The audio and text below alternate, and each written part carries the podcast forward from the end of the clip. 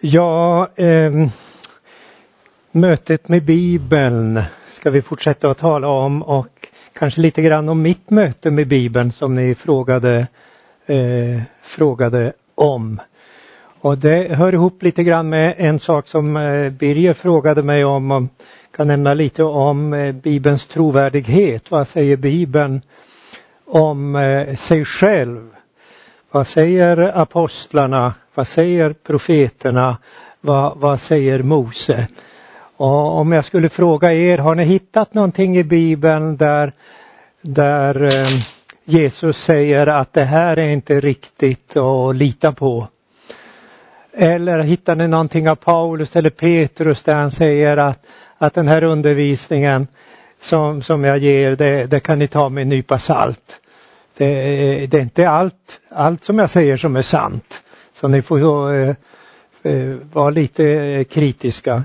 Eller säger Mose något liknande eller hur, hur är det? Det hittar ni inte naturligtvis. Det är inte, är inte, inte så.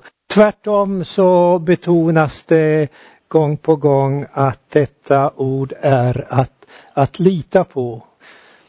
I Saltaren som är en poetisk bok så används också poetiska uttryck för Bibelns eh, tillförlitlighet och då kan det heta om Guds ord.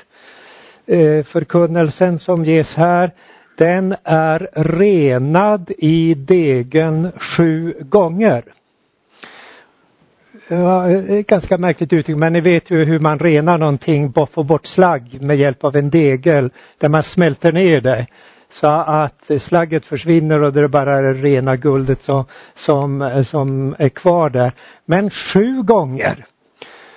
Har ni tänkt på hur, hur, i Bibeln hur ofta det står sju? När det gäller offren, att det skulle vara sju av något slag. Och ordet sju kommer gång på gång men det är ett, ska vi kalla det för ett predikande ord. Bibeln använder ju Eh, symboliska uttryck eller predikande uttryck och bilder. Och sju gånger det betyder då det att det är helt fullkomligt. Sju användes ju också om den fullkomliga gemenskapen som Gud upprättar genom eh, eh, sin Messias och genom försoningen. Så används talet sju. Och att det har blivit ordet sju det vet vi inte säkert men sannolikt så är det att tre står för Gud. Som ju är Fadern, Sonen och den heliga Ande. Och fyra står för världen. Man talar om världens fyra hörn eller världens fyra väderstreck. Det, det, man talar om norr och söder, öster och väster. Och den, eh, det har blivit då en skilsmässa på grund av synden mellan världen, mellan oss människor och, och den treenige eh, guden. Och genom försoningen så eh, eh, eh, den enda räddningen och den fullkomliga gemenskapen den är skapad bara då genom Gud själv, genom, genom Jesus Kristus. Så det finns många ställen i Bibeln som stryker under just att Bibeln och det Bibeln handlar om det är fullkomligt. Och man kan säga att det som gäller om Jesus gäller om Bibeln. Jesus kallas ju för ordet som ni känner till väl. Han är Guds ord, han är livets ord, han är det eviga ordet. Och om ni tänker hur kommer då Gud den himmelske helige Fadern i kontakt med människorna. Kommer Fadern eh, gående och pratar med Abraham? Nej. Då skulle eh, ingen kan se Fadern och överleva. Hans helighet är så stark som en förtärande eld. Ja men hur kommer då Fadern i kontakt med människorna? Hur uppenbarar han sig? Alltid genom sin son. Redan från, från början. Han är, sonen är ordet. Sonen är ordet och när ordet kommer också till, till människorna till exempel redan efter syndafallet så hör Adam och Eva hur, hur Gud kommer i trädgården, de hör fotstegen, och annat sånt där. Det är sonen. Det är sonen som är ordet, det är sonen som är den direkta kontakten med människorna. Vem är det som talar med Mose i den brinnande busken? Då står det där, det är Herrens utsände. Malach Adonai. Malach är ett substantiv, ett, ett, man sätter ett M framför eh, eh tre konsonanter eh, och då får man substantivet av, av ett verb som betyder sända ut. Det är alltså det ord som kommer till människorna, det som sänds till människorna, det kan då översättas med den utsände. Det brukar översättas då ängel. Men ängel det beror på att, att eh, man har ordet angelos som kommer då av eh, angelo. Det är den, angelo det är en som kommer med budskapet, med ordet. Och Herren, då står det att Herrens ängel uppenbarar sig för Mose. Och då tänker jag, vem är det då? Ja, Gud har ju många änglar. Han har sänt ut många, ja, många skapade varelser, men sen har han en utsänd som icke är skapad som det talas om i Ordspråksbokens åttonde kapitel från den 22 versen. Det kan ni läsa när ni kommer hem. Där en, en särskild eh, kallas för visheten. Och ni vet det står i evangelierna också, visheten har fått rätt av sina barn. Så de som eh, tror sanningens ord, livets ord eller ordet, de kallas för vishetens barn. Och ordet själv är den sanna visheten. Det står ju om, om telningen eller Messias i, i Jesaja 11 att han är beklädd med visheten, vishetens ande. Så han är, han är visheten och han fanns före skapelsen. Och vad skriver Paulus? Jo, jo, det är genom honom genom Kristus som allt har blivit till. Utan honom har ingenting blivit till om allting. Och hur skapade Gud? Han skapade genom sonen eller genom ordet. Gud sade och det vart. Gud befallde och det stod där. Han är ordet. Så kommer ordet till Mose och då är det via Herrens speciella utsände. Och denne utsände går framför folket när de räddas också ut ur Egypten. Han går framför dem på dagen som en målstod och så går de hela natten också. För de ska ut ur Egypten och det är tre dagsresor och de går dag och natt. Och på natten så går han som en eldstod så de ser var de går. De går inte i mörkret och trevar omkring utan de ser precis var de går.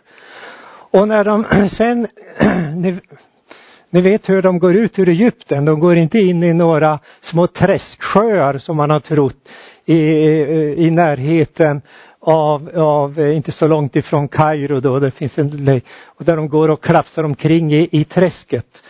Utan de går tre dagsresor ut. Först går de ner till eh, ungefär där Ismailia ligger idag. Så går det en väg där som de följer. De skulle inte gå längs kusten. Utan de skulle gå den andra vägen och den går mot spetsen av Akkabaviken. Och där går de. Och när de då har gått eh, ut långt där och kommer då till där den stora öknen börjar som går vid spetsen av Akabaviken och så över på i Saudiarabien, det är ju bara öken, öken, öken, öken, kommer det.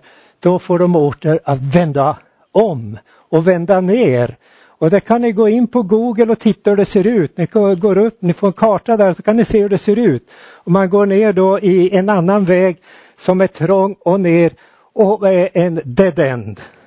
Kommer ner en bit ner på Akabaviken och så är man instängd. Och då har det gått tre dagar och de har begravt sina döda i Egypten för att alla förstfödda dödades ju av både människor och djur i Egypten i samband med när de lämnade. Och, och det var stor klagan och gråt efter. Och nu får eh, farao rapporter om, ah, de har gått vilse och nu ångrar han sig att de fick gå. Och så skickar han i sin armé efter dem igen. Och då kommer de efter det och då är det ju kört. Och det var ju meningen för hela tiden så ska vi lära oss att räddningen bara är beroende av Gud. Så det blir en prövning och där står de då framför havet och de har ingenstans att ta vägen. Gå och titta på en vanlig karta får ni se hur det ser ut där. Och då står det att, att eh, då Herrens ängel som leder dem, då Eh, eh, han flyttar sig då från att gå framför dem till att ställa sig bakom dem. Så han står mellan israeliterna och de förföljande egyptierna. Och då är de trygga. Och så får Mose orden räcka ut en stav och så klyva havet och så går de obegripligt rakt igenom där. Med vattnet som står som en mur på båda sidor om dem.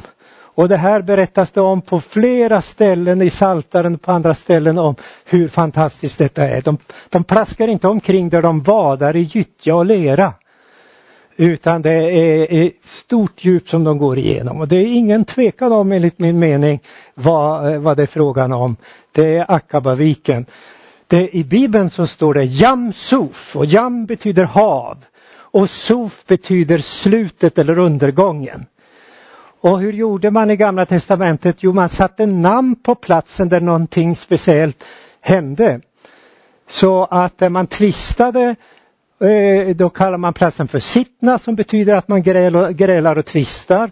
Och, och, där eh, man frestar Gud så, så tar man ett namn för frestelse för den platsen. Och där då hela den för, förföljande egyptiska armén går under.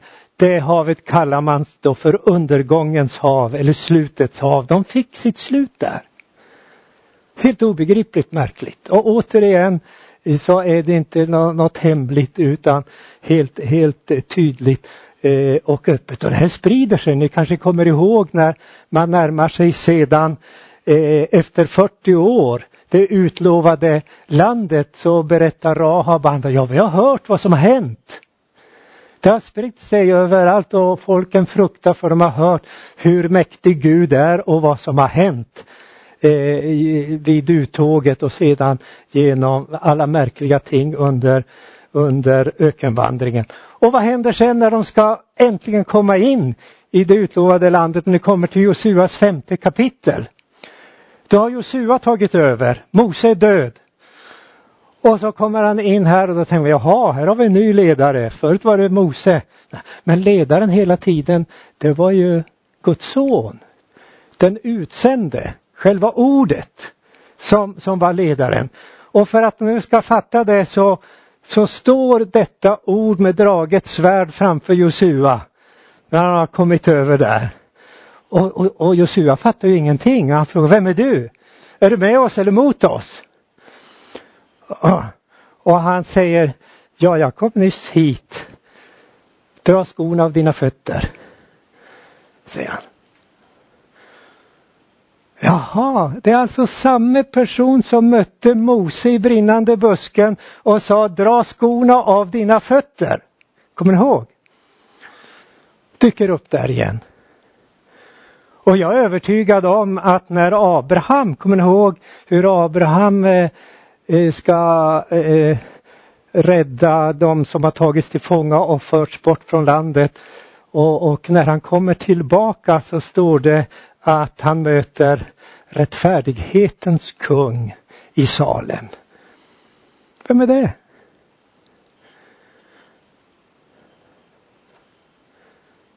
Vem är det? Ja visst, är det. Han som visar sig för Mose, som visar sig för Josua, han som visar sig för Gideon, han som visar sig för Simpsons föräldrar.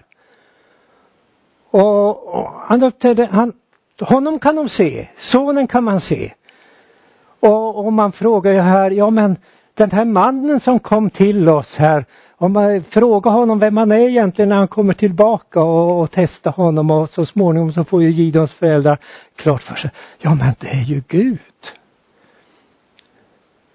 Alltså Herren själv som uppenbarar sig som, som den utsända De säger, nu måste vi dö för vi har sett Gud. Fast de dog ju inte. Då hade man sett Fadern så hade man dött. Ingen kan se Fadern och överleva då. Ingen syndig människa. Vi kan se honom när vi är syndfria i himmelen. Men här i världen bland oss syndare så kommer han till oss som ordet, som sonen.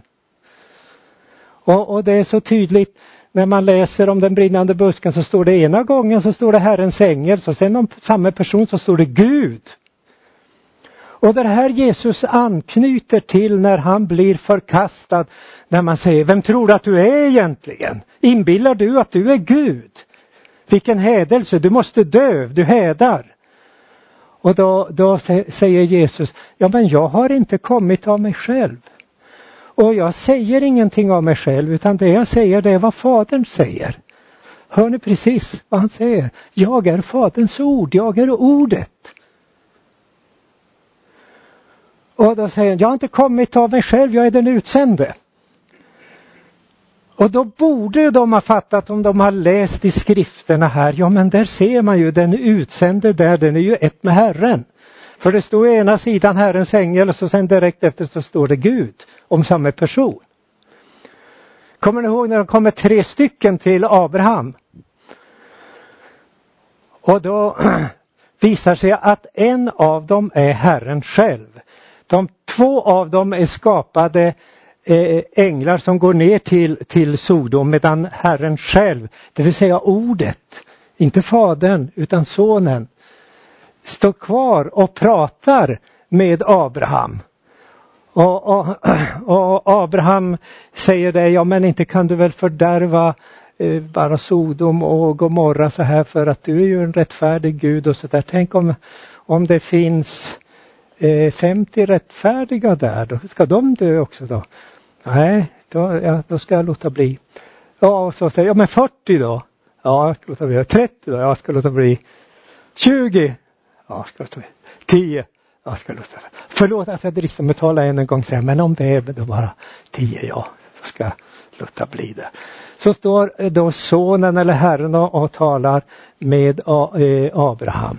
Det kommer alltså tre utsända men en av dem är Herren själv den allra speciella Herrens ängel. Alltså innan ordet blir kött och tar mandom genom jungfru Maria och blir med, så framträder sonen flera gånger, finns där som faderns ord och uppenbarar sig genom hela gamla testamentet. Och enligt löftet så kommer han sedan att bli kött och blod så att han är, blir människoson, han är både människa och Gud precis som är utlovat. Och han ska födas i Betlehem och han ska tillhöra den davidiska släkten. Han ska vara en Davidid, en Davids son. Eh, och, så, och, och, så blir det precis.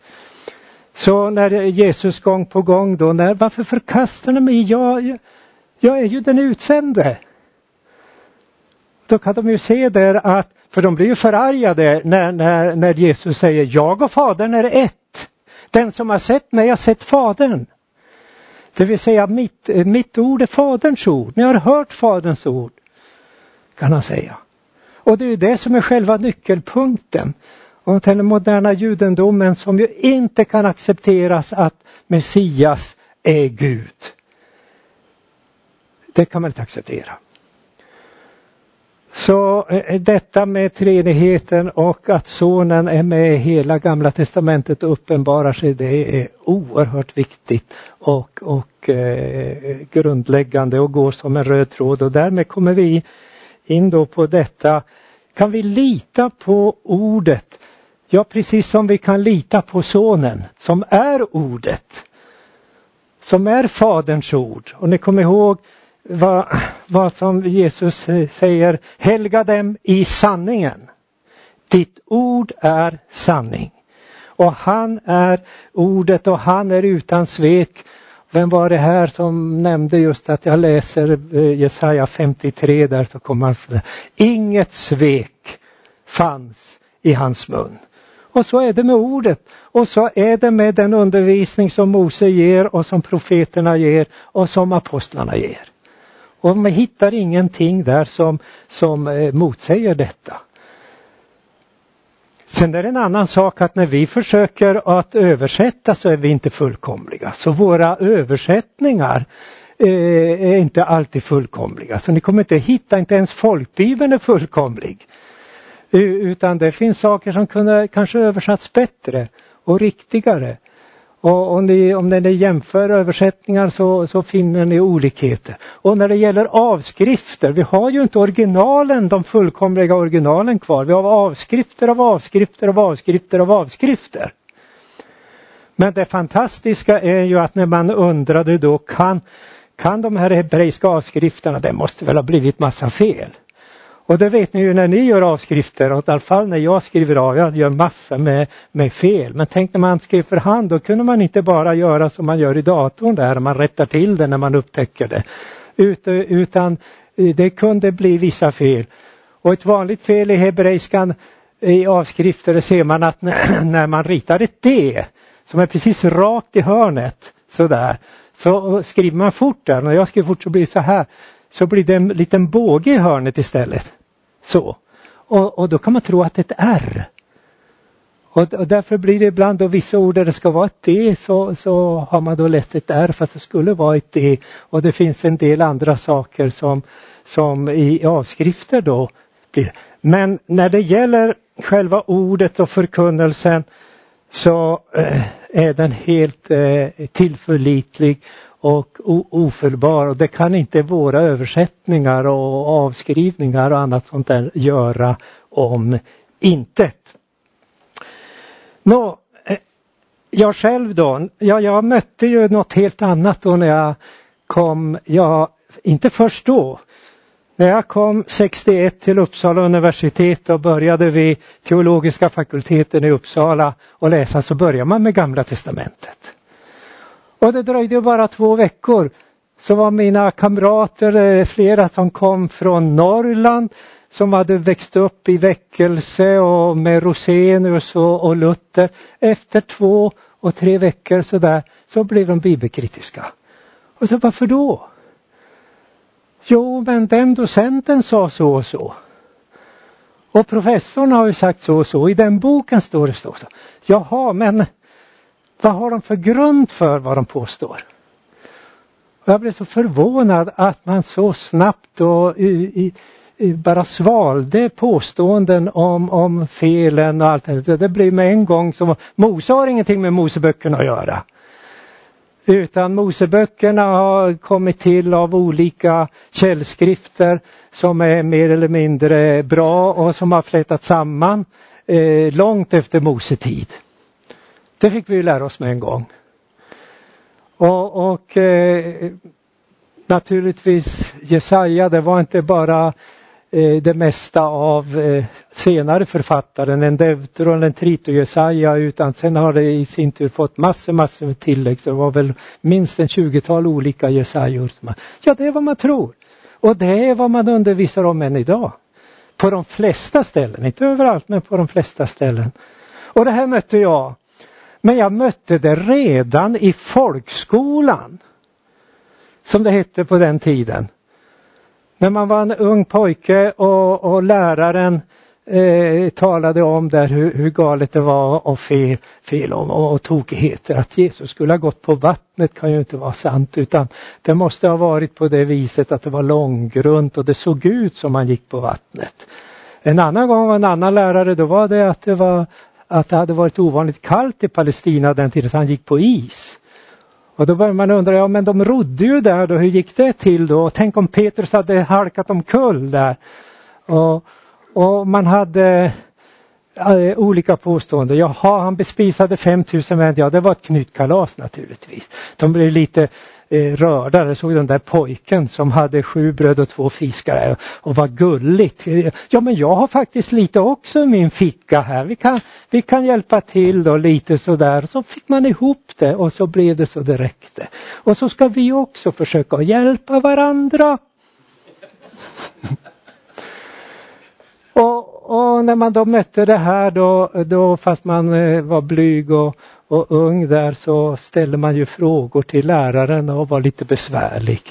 Och, och det här kan väl inte stämma och hur är det med det? Så då, ja, ja, ja, vänta du tills du har läst mer. Och så fick man alltid höra det där hela tiden. Och det här har jag berättat för er förr.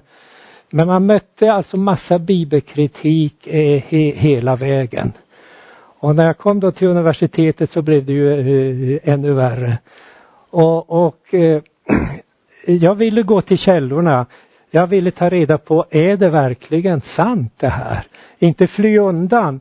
Och när jag så småningom då skulle skriva en avhandling så gjorde jag inte som en del av kollegorna, de var lite kanske förståndigare. De kunde ju välja ett lite mer ofarligt ämne, räkna antalet prepositioner i, i någon text eller, eller skriva något mera historiskt om eh, hur hade Melanchthon det i sin familj eller någonting sånt där. Det var inte så farligt. Men, men eh, jag valde då att skriva om eh, kapitel 13 och 14 i Jesaja-boken. Därför att eh, 99 procent av forskarna sa att det här är oäkta. Det är inte sant, det är inte Jesaja. Det står ju detta vad är Jesajas ord som han har profeterat. Utan nej, utan det är som man sa på tyska Fremdkörper, främmande material som har placerats in i Jesaja-boken. Jaha, då ska vi kolla det här. Och det var ju lite farligt.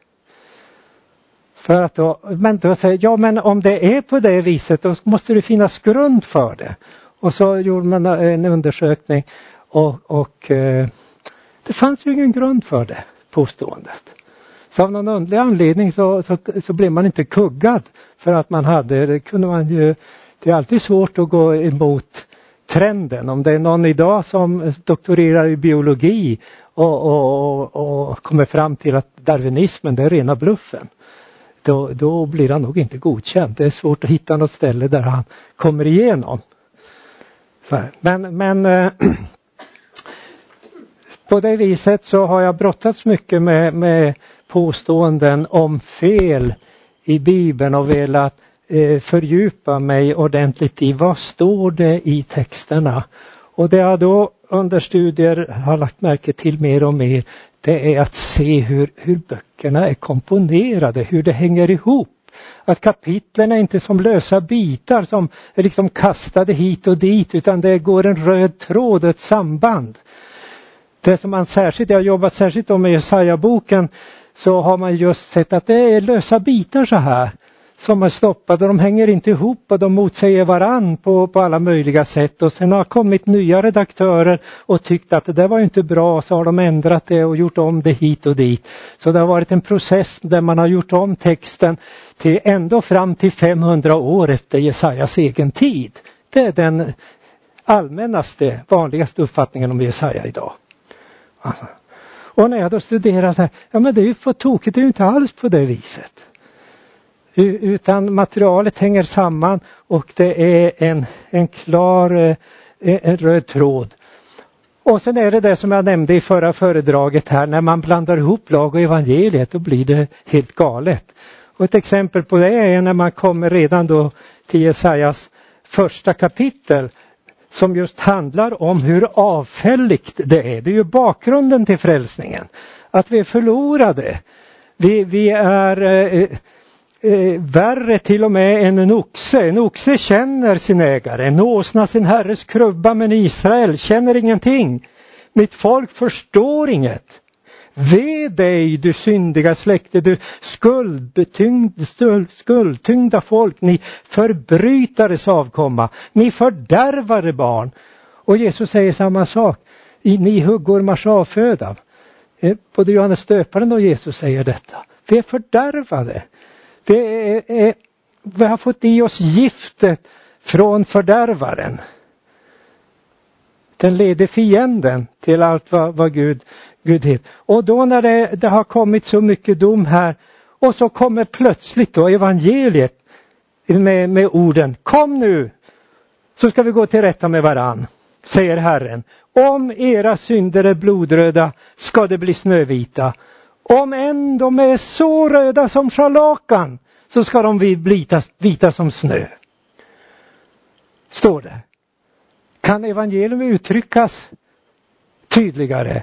Men vad händer då när man inte förstår hur, hur profeten talar om domen och så den villkorslösa frälsningen. Och om domen och den villkorslösa frälsningen. Utan tänker ni, här har det talats om domen förut så måste det vara dom här också. Och vad händer då? Jo, då översätter man ungefär som i Bibel 2000. Om era synder är blodröda, inbillar ni då att de kan bli snövita? Och svaret på den frågan blir ju då nej. Om era synder är blodröda kan de bli Om de är röda som scharlakan kan de då bli som vit ull? Nej. Alltså, då är det lag igen. Och, och, på det viset när man inte förstår de här växlingarna mellan dom och frälsning som går igenom och om och om igen växlar i, Jesaja så missförstår man vad det står. Det går inte att översätta det på det viset om man tar det ordagrant. Och ta ett ställe som är ett av mina favoritställen som också är själva hjärtpunkten om, om frälsningen. Där, det då, där bildspråket är att det är liv som, som har vunnits åt oss. Det liknas med att istället för torrt och öken så är det bubblande vattenkällor med liv. Och istället för att det växer ingenting och det är torrt och eländigt så blomstrar det eh, av, av liv.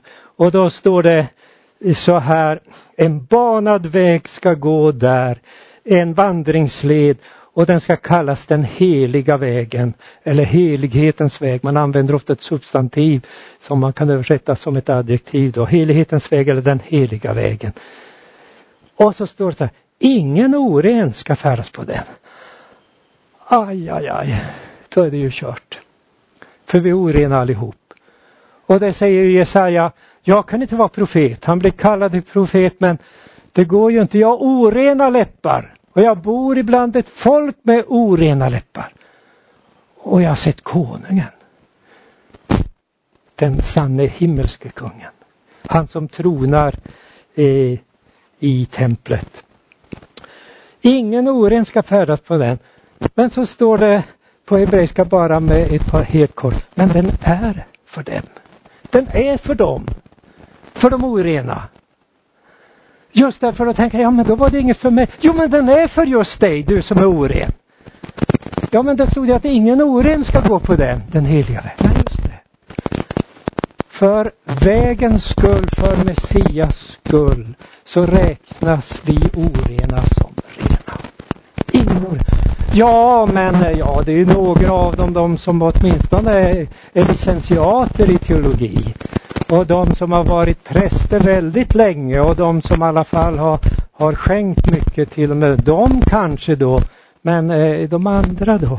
Ja, men då kommer det en till. Inga män nu! finns inget hinder. Inte ens om du är en vanlig enkel människa. Den som vandrar på den vägen ska inte gå vilse. Inte ens om de är dårar. Ja men jag är ju dåre och okunnig. Vi är ju dårar allihop på olika sätt. Och sådär. Ja men det är inte din kvalifikation som gör det att du får gå den vägen och att du som oren kallas för ren. Utan det är helt en fri gåva. Och vad säger Jesus? Jag har kommit för de friska och de som är kunniga och de som är visa, de som är experter i laget och de som är fariséer. Fariséerna jobbar ju hårt för att vinna utan jag har kommit för det små, eller det enkla, eller hur stod det i gamla översättningen, enfaldiga. Ja. Vi ser hur, hur, vilken samklang det är och om man är osäker ett ställe hur man kan få hjälp av andra ställen som handlar om samma sak att få det belyst och, och, och förstå det, förstå det eh, bättre. Och innan jag slutar nu så skulle jag kanske nämna då om att förutom den viktiga skillnaden mellan lag och evangelium, den är oerhört viktig. Och det var ju ett av de stora, största sakerna med, med reformationen och, och med, med reformationen reformation. Det dröjde ett tag innan han kunde ordentligt skilja mellan lag och evangelium. Han kämpade där han fick inte, inte riktigt, han kunde inte få riktigt frid i hjärtat. Och sen när han såg då att evangeliet har inga villkor. Så han säger du måste först göra det, eller du måste först vara sån. Utan det är helt villkorslöst. Då skrev han, ja men då såg jag himmelen öppen och portarna uppslagna på vid gavel. Det står lite mer om det i en bok som ligger där nere som handlar så står om rättfärdiggörelsen om ni inte har den boken, läs den. den. Och då såg han eh, verkligen skillnad. Det är så lätt att blanda in lagen i evangeliet. Jag minns när jag kom första gången här till Norge så, så måste man ha lite män och lite frågetecken inför evangeliet.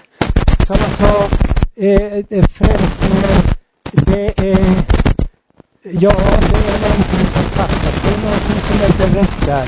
Men nu hänger det på det. Man har gjort det, tron tar ju emot det. Men tron blev en speciell gärning som, som har tillsatt det så att det som är en mulighet blir en virkelighet. Så man gjorde en distinktion där att det var ingen riktig verklighet, inget färdigt. Det var inte fullbordat, det var inte fullkomnat. Nu måste det fullbordas genom din trosgärning. Och trosgärning blev ingenting annat än en viss laggärning. Någonting man skulle göra. Medan ju tron, den är ju den tomma handen, tar emot den ingenting. Den är lika lite som när tiggaren står där vid dörren eh, och, och han, han blir befriad från eh, hunger och törst och, och, och från att frysa och han får där så, så säger ju inte den som håller på att svälta ihjäl eller frysa ihjäl. Ja men måste jag ta på mig kläderna också? Eller måste jag äta också? Eller måste jag dricka också? Utan han bara, åh tack gode Gud. Hur kan det vara så god att jag som har varit sån och så får jag det här? Jag säger inte, eh, tron är ju bara eh, ett tack, tack, tack.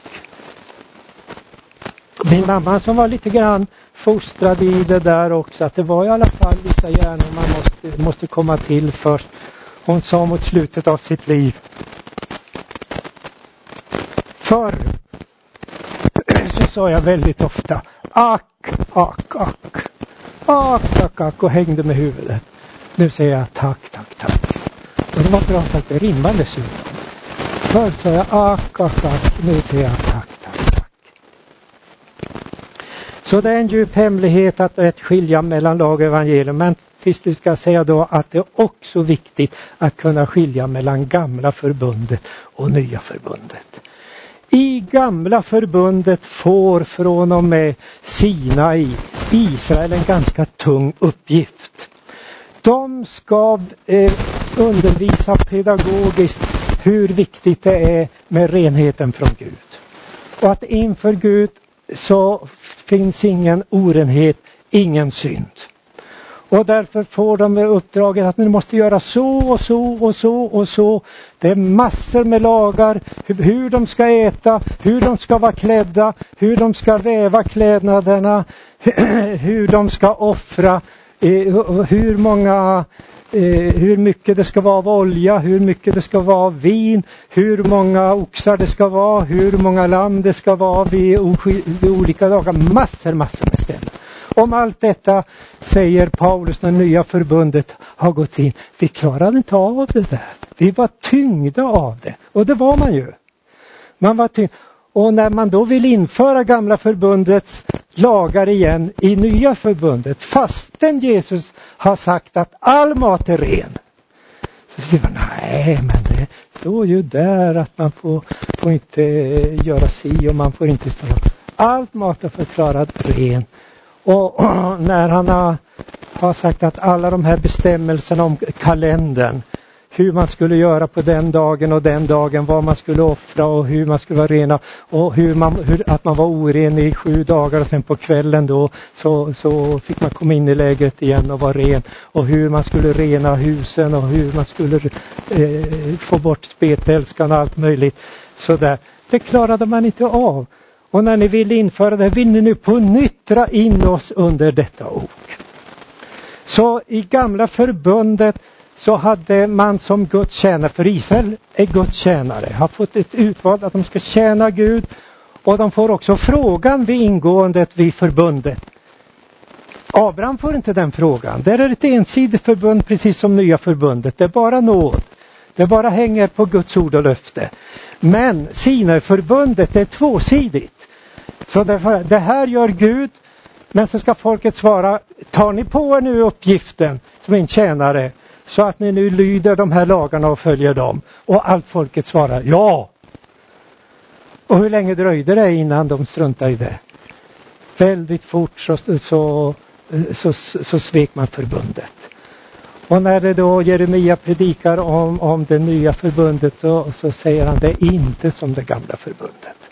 Och det gamla förbundet är gammalt och det är förlegat men det hade en viktig uppgift. En viktig undervisande uppgift. Det visade hur, hur illa ställt med, det är med oss och det visar att reningen är helt beroende av Guds ord och löfte eh, som, som är given där. Och därför ska alla de här offren då predikar i förväg om den fullbordan, den fullbordan som sker genom, genom Jesus Kristus och, och hans offer.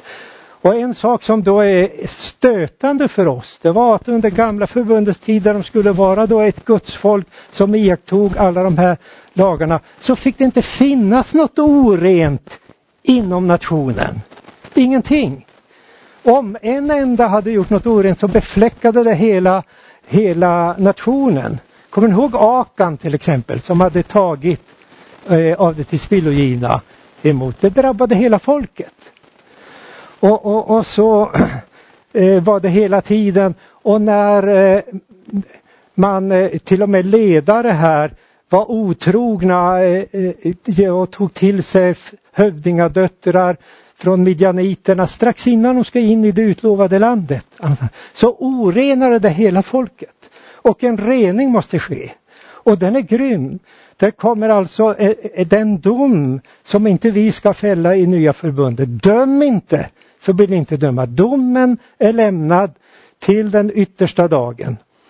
Vi ser massa orenhet hos oss själva och andra eh, och det heter där att vi kan inte rensa bort det. Precis. Men det skulle man göra under gamla, gamla förbundets tid. Och, och det är ju grymt och svårt att läsa hur man stenar och avrättar och, och, hur man ser för hela familjen med, med vuxna och barn, till exempel Koras uppror och annat sånt där och hur, hur jorden öppnas där de faller ner. Men det förebildar samtidigt den slutliga domen som också är grym då. Där domen kommer över dem som ändå framhärdar, framhärdar fastän Gud om och om igen, fastän vi säger nej, nej, nej, så försöker på nytt erbjuder sin nåd, på nytt söker, på nytt eh, eh, eh vill, vill rädda, så kommer till sist eh, en dag där det enda som fördömer oss det är inte att vi har missat första budet och tredje budet och sjunde budet och nionde budet. Utan det är otron. Att vi har avvisat den enda, den enda räddningen. Och då kommer en dom, gå bort ifrån mig ni förbannade till den eviga elden som är tillredd åt djävulen och hans änglar. Och dessa gick bort till evigt straff, men de andra till evigt liv. Och det är ju hemskt att höra. Men under gamla förbundets tid så skulle den här domen effektueras i, det var ju en teokrati. Och ni vet det finns ju teokratier än idag. I, i vad var det man läste nyligen, var det Borneo? Nej, Brunei där man skulle teokratiskt då tillämpa dödsstraffen för olika synder på olika sätt och steningar och allt möjligt. Och det finns ju inom den strikta islam på samma sätt. Men eh, och så var det då i gamla förbundet att reningen skulle äga rum och straff skulle utkrävas i tiden. Och nu utkrävs straffet först på den yttersta dagen. Och det är väldigt viktigt att, att känna, eh, känna till den här stora skillnaden mellan gamla förbundet. Men det är en förberedelse och det vittnar om eh, hur den, här, den rening som, som man skulle åskådliggöra har nu skett. Så när Jesus sa det är fullbordat. Så är det fullbordat. Och därmed tror jag inte jag ska trötta er mera utan tack ska ni ha för att ni har lyssnat. Möte med Bibeln. Det är ett välsignat möte. Och det är först och främst ett möte med Jesus Kristus. Som är ordet. Och det ges från början och till slut. Amen.